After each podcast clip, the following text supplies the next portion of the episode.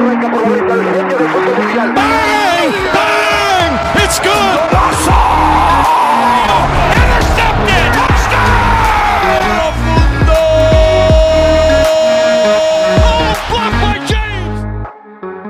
bienvenidos a un nuevo episodio de La Voz de la Tribuna. Mi nombre es Aldo Aro y es un gusto que nos acompañen. El día de hoy tenemos un invitado de lujo, el primer invitado a este podcast, y no puede ser nada más y nada menos que un gran amigo mío, un aficionado al deporte de las tacleadas. Su nombre es Diego Garibay. Bienvenido amigo, ¿cómo estás? ¿Qué tal? Muchas gracias Aldo por la invitación, gracias a, a tu auditorio por estar escuchándonos hoy. Y pues sin duda va a ser una plática muy, muy rica, con muchas memorias y, y a ver qué tal. Un gusto que estés aquí, hermano. En el episodio de hoy hablaremos sobre la mejor liga del mundo, la NFL. Por ello es que pensé en ti para que hablemos sobre las novedades y los rumores de cara al próximo torneo. Pero antes de eso me gustaría saber tu opinión sobre la temporada que terminó hace un poco más de un mes. ¿Qué te deja esta campaña? ¿Esperabas que ganaran los Bucaneros de Tampa? Definitivamente no. O sea, tenía como liderazgo a Tom Brady, uno de los mejores quarterbacks que hemos visto en nuestros días. Definitivamente para mí, pues me atrevo a decir, no es el mejor de la historia, pero claro que tiene un, talento excepcional de líder. Ya lo vimos eh, con Tampa Bay este último Super Bowl. En una temporada que fue ajustándose Tampa Bay al juego, definitivamente pensamos que, que iba a ser un equipo muy irregular porque si bien tenía partidos con muchos puntos, también le anotaban mucho y yo no me esperaba este Super Bowl. Incluso en la temporada se llegó a cuestionar a Tom Brady si ya era el momento de retirarse o no, y se cuestionó mucho si era el mismo Tom Brady fuera de los Patriots y fuera del esquema de Bill Belichick, y sorprende a propios extraños. Para ti, ¿quién era el favorito al iniciar la postemporada? Esa respuesta es- está un poco clara. Definitivamente confiábamos en, el brazo de Rodgers que llevaran a Green Bay al Super Bowl al lado de Kansas City, pero pues Brady siempre demostrando que, pues no depende totalmente de sus coaches y más bien él sabe hacer eh, historia, sabe concretar campeonatos y definitivamente lo vimos, es un gran líder porque se llevó a Gronkowski, a Antonio Brown y se me pase uno que otro nombre que también se, se llevó para armar a su Tampa Bay, que pues ya vimos el resultado. Bien, como lo dices, lo de Aaron Rodgers sorprende a muchos. ¿Crees que es una decepción la temporada de los Green Bay Packers y un desperdicio a una campaña del MVP que, claro, se acerca cada vez más a su retiro? Y no solo eso, sino que los Packers recientemente draftearon a un coreback y eso parecía ser el final de Aaron Rodgers en este equipo. ¿Tú cómo lo tomas? ¿Como una decepción o como un seguir intentando? Definitivamente la carrera de Rodgers deja mucho que desear. Ha sido un coreback que pues no ha concretado sus campeonatos. Vemos que ha tenido errores en los momentos más cruciales de la campaña. No, está, no ha estado a la altura de, pues, la presión que implica un Super Bowl, incluso un- una postemporada. Pero sin duda el, el brazo excepcional lo tiene. Ya tiene récords, ya tiene MVPs. Pero pues como lo dije al principio, deja mucho que desear como coreback, como carrera. Pues solo tiene un, un gran tazón. Entonces, pues teniendo ese talento, vemos desperdiciado con un tanto de trabajo bajo presión. Para ti, Aaron Rodgers es un jugador clutch, un jugador al que le confiarías la última posesión, los últimos dos minutos de un juego para ganar un campeonato, o preferirías buscar a otro coreback? Aaron Rodgers, yo digo que, que es un coreback excepcional, pero sin duda una postemporada no se puede arriesgar con su mano. Eh, podemos contar con los running backs, pero pues ya nos, ha, ya nos ha demostrado que la presión le pesa mucho, que no puede cargar con todo el equipo en el hombro. Eh, en el caso como Brady, que puede armar, que se adapta a las estrategias, a la presión, pues ya lo vimos. Muy bien, amigo. Otra pregunta relacionada a la temporada de la NFL y mucha polémica que generó este evento. ¿Qué te pareció el show del medio tiempo? Uf. Mira, yo, yo no me considero un crítico del arte ni de- del espectáculo. En lo personal, me, me fui satisfecho, obviamente sin un espectáculo al que nos tenían acostumbrados. Por ejemplo, desde Katy Perry, por ejemplo, me, me acuerdo en, en este Super Bowl que vamos a comentar. Ya hay, hay perdón por el spoiler, pero dejó algo que desear, tal vez. ¿A ti qué tal? A mí me gustó, te soy sincero, eh, no es lo que nos tiene acostumbrados la liga, pero hay que entender el contexto en el que estamos, un contexto en donde no permitieron tanta gente, incluso fue eh, de difícil acceso. Bien, como lo mencionabas, vamos a hablar sobre el Super Bowl 49, pero esto a raíz de la gran bomba que salió hace algunos días sobre la posible salida de Russell Wilson de los Seattle Seahawks. Eres aficionado a este equipo, ¿cierto? Así es, muy aficionado. Bien, pues ¿cómo te cae esta noticia ahora en la temporada baja que empiezan a salir rumores de los cambios y el carrusel de corebacks disponibles? Lo vemos con Deshaun Watson en los Texans, el cambio entre los Rams y los Lions por Jared Goff y Matthew Stafford. Pero lo que sorprende a propios extraños es el rumor de la salida de Russell Wilson. ¿Cómo tomas esta noticia? ¿Te cae por sorpresa? Definitivamente no. Fue algo anunciado. Digo, es, es bastante triste para los aficionados de Seattle porque bueno, lo personal, yo, mi infancia, mi adolescencia, la, la viví con Russell Wilson como, como mariscal de campo, pero sí fue una salida anunciada, es decir, podemos analizar su trayectoria en Seahawks. Él entró con, con una de las mejores defensas que he visto la NFL en los últimos años, con la Legión del Boom, que era pues conformada por, por grandes jugadores, un equipo donde tenía no solo gran defensiva, sino también gran ofensiva, por ejemplo, Marshall Lynch con The Beast Mode, que hacía esas carreras impresionantes de, un running back. Y definitivamente esta, esta época ya terminó. Ya están optando por nuevos perfiles. DK Metcalf, por ejemplo, es, es un rookie con apenas dos, temporadas de, en la NFL. Entonces no se supieron adaptar al juego de Wilson. No han madurado sus líneas ofensivas. Entonces es lo que tiene. Perder a un gran personaje, un gran mariscal y el mejor de la división. ¿Tanto así? ¿Lo consideras? Definitivamente, o sea, no, no lo dudaría al decirlo.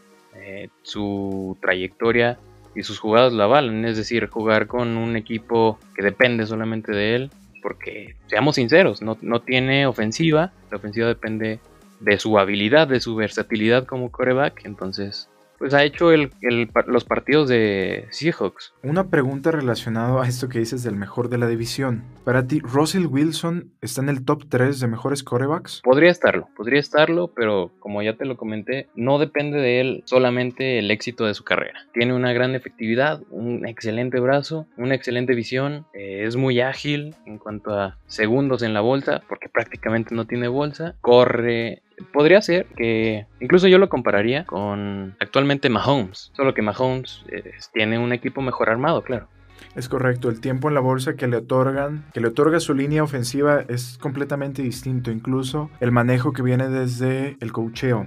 Y mencionando el cocheo, quería preguntarte, ¿cómo ves el desempeño de Pete Carroll durante esta temporada? ¿Te gustó lo que hizo? Ha tenido pues bastantes temporadas ya en, al mando de los Seahawks, pero no veo que haya logrado concretar, bueno, es, evidente, no ha logrado concretar campeonatos, no ha logrado superar las postemporadas que han llegado a bastantes durante su, liderazgo, entonces no veo que ajuste bien las líneas, como lo, lo podemos observar en esta temporada, empezaron con una ofensiva bastante explosiva, lo cual les llegó a les llegó a repercutir, vaya, una ofensiva explosiva que en tres jugadas te hacía un touchdown te cansaba de una manera inhumana a los jugadores. Pues ya se, fue mejorando con la, con la defensiva, pero la defensiva definitivamente necesita linieros, necesita corredores, necesita unos ajustes en, en los receptores, porque si bien tienen muy buenos nombres, como ya lo mencioné, no ha sabido sacarles provecho. Precisamente como lo mencionas, el cambio de estilo de juego es algo que se vio durante la temporada para los Seahawks. Al inicio, un ataque muy rápido, muy veloz, pero que le daba el balón al equipo contrario rápido, en minutos, algo que no le gustaba a Pete Carroll porque permitía demasiados puntos. Entonces cambia la manera de jugar, obligando a que el equipo en los primeros dos downs arrastre la bola y en el tercero se atenga a lo que pueda hacer Russell Wilson, un pase, pero sin una bolsa de protección.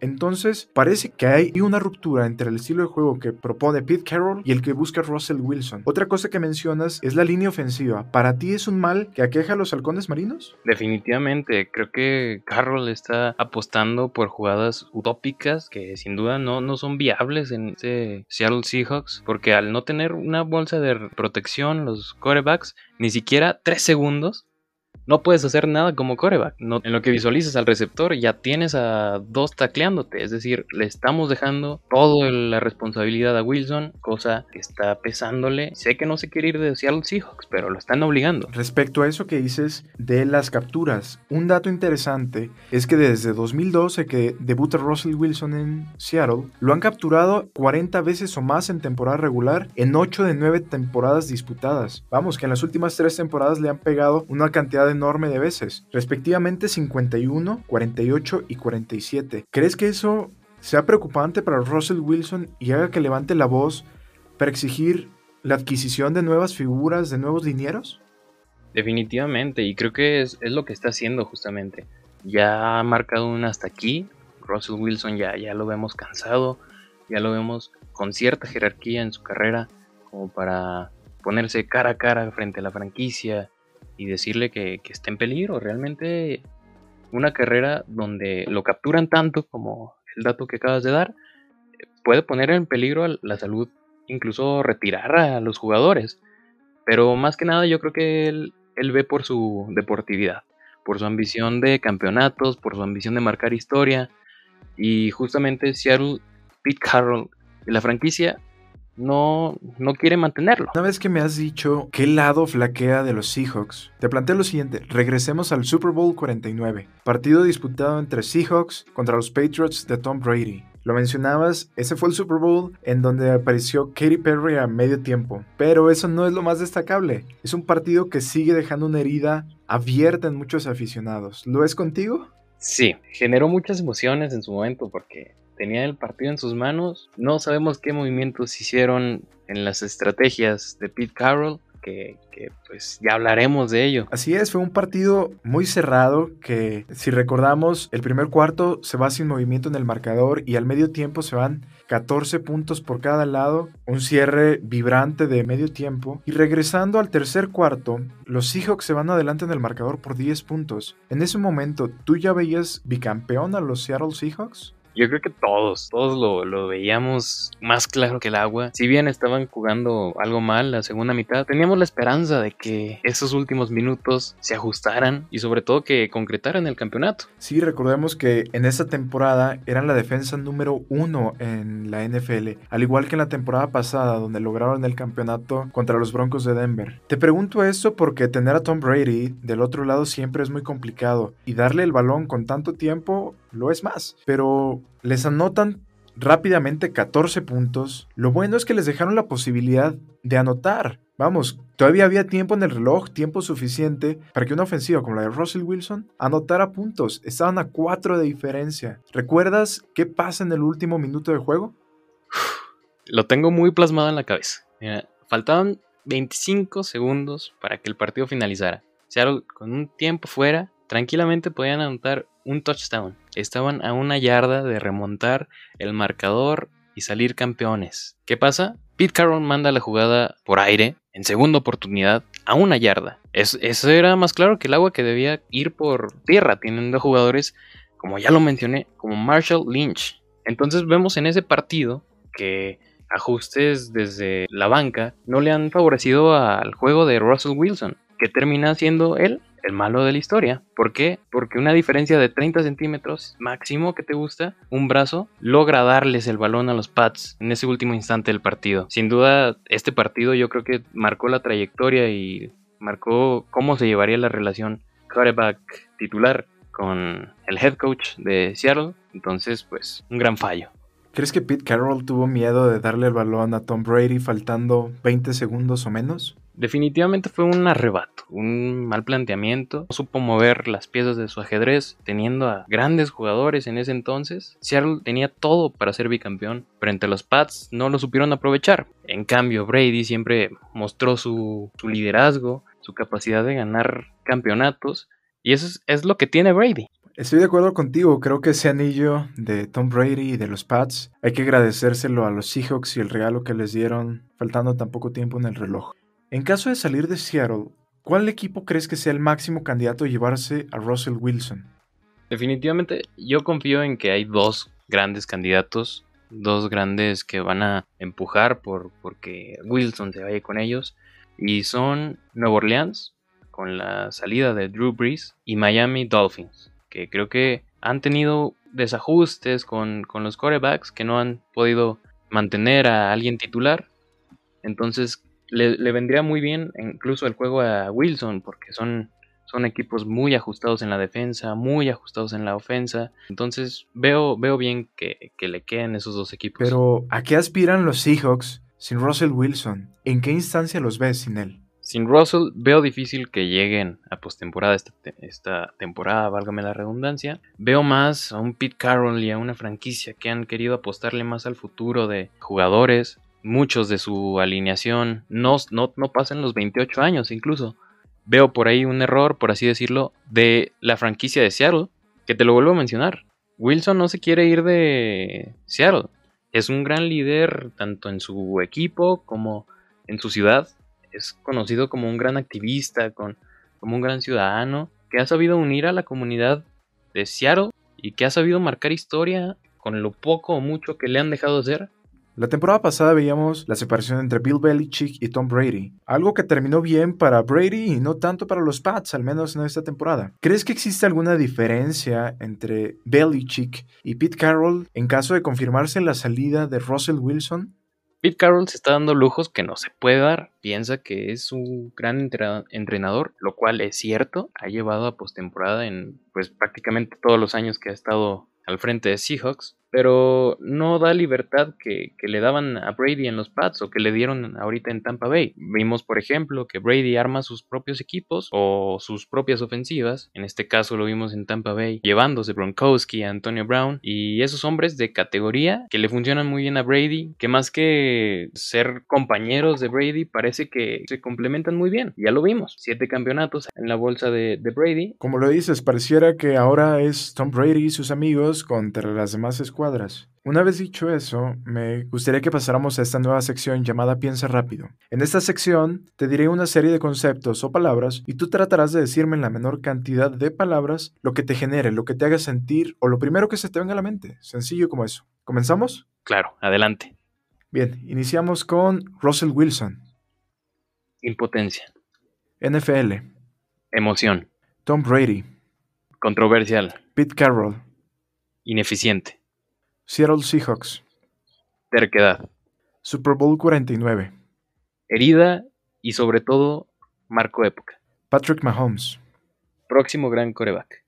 Excelente, buenas respuestas. Parece que ha sido todo por hoy, amigo, pero antes de despedirnos me gustaría que le hicieras algunas sugerencias a las personas que están escuchando esto y que quizá no siguen tan de cerca la NFL. Cómo engancharse en la liga o simplemente cómo tomar un interés más allá del medio tiempo del Super Bowl. Claro, yo considero que lo bonito del deporte, lo bonito incluso también del arte, podríamos decir lo que es el proceso, el proceso de creación, más allá de los partidos, más allá del Super Bowl.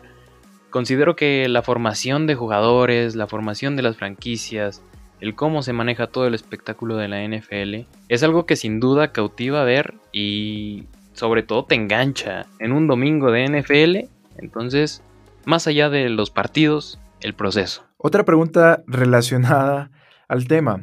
¿Hay alguna película que haga referencia al fútbol americano o a los deportes en general que quieras recomendar? Te tengo dos opciones. Mira, está próximo en abril justamente el draft, que es la selección de jugadores de la universidad. Entonces considero que puede ser una buena opción para, para entender todo este proceso, ver en Amazon Prime eh, la película Draft. Así literal la pueden encontrar así. Como segunda opción me queda muy claro que les tengo que recomendar Game Brain. Es una película protagonizada por Will Smith que nos explica muy bien cómo se maneja la NFL por dentro, cómo es el espectáculo, cómo es el modelo de negocio que maneja y sobre todo los riesgos que corren los jugadores y cómo la tecnología es importante en los deportes. Como lo dije, más allá de un partido, conlleva un esfuerzo gigante la realización de esta liga. Muy bien, gracias por las recomendaciones, habrá que tomarlas en cuenta. Y bueno, esto ha sido todo por hoy. Gracias por escuchar este segundo capítulo de La Voz de la Tribuna. Los invito a suscribirse, a compartirlo en sus redes. Recuerden que este podcast está ahí, estará disponible por Spotify, Apple Podcast y todas las plataformas digitales. Diego, ¿cómo te encuentran en tus redes? En Instagram me pueden encontrar como arroba diego.ivanlg, en Twitter arroba diegolg-13. Y pues muchas gracias a ti Aldo por invitarme, muchas gracias a todos los que nos escucharon, espero que les haya apasionado tantito más el, el deporte más impresionante del mundo y te agradezco.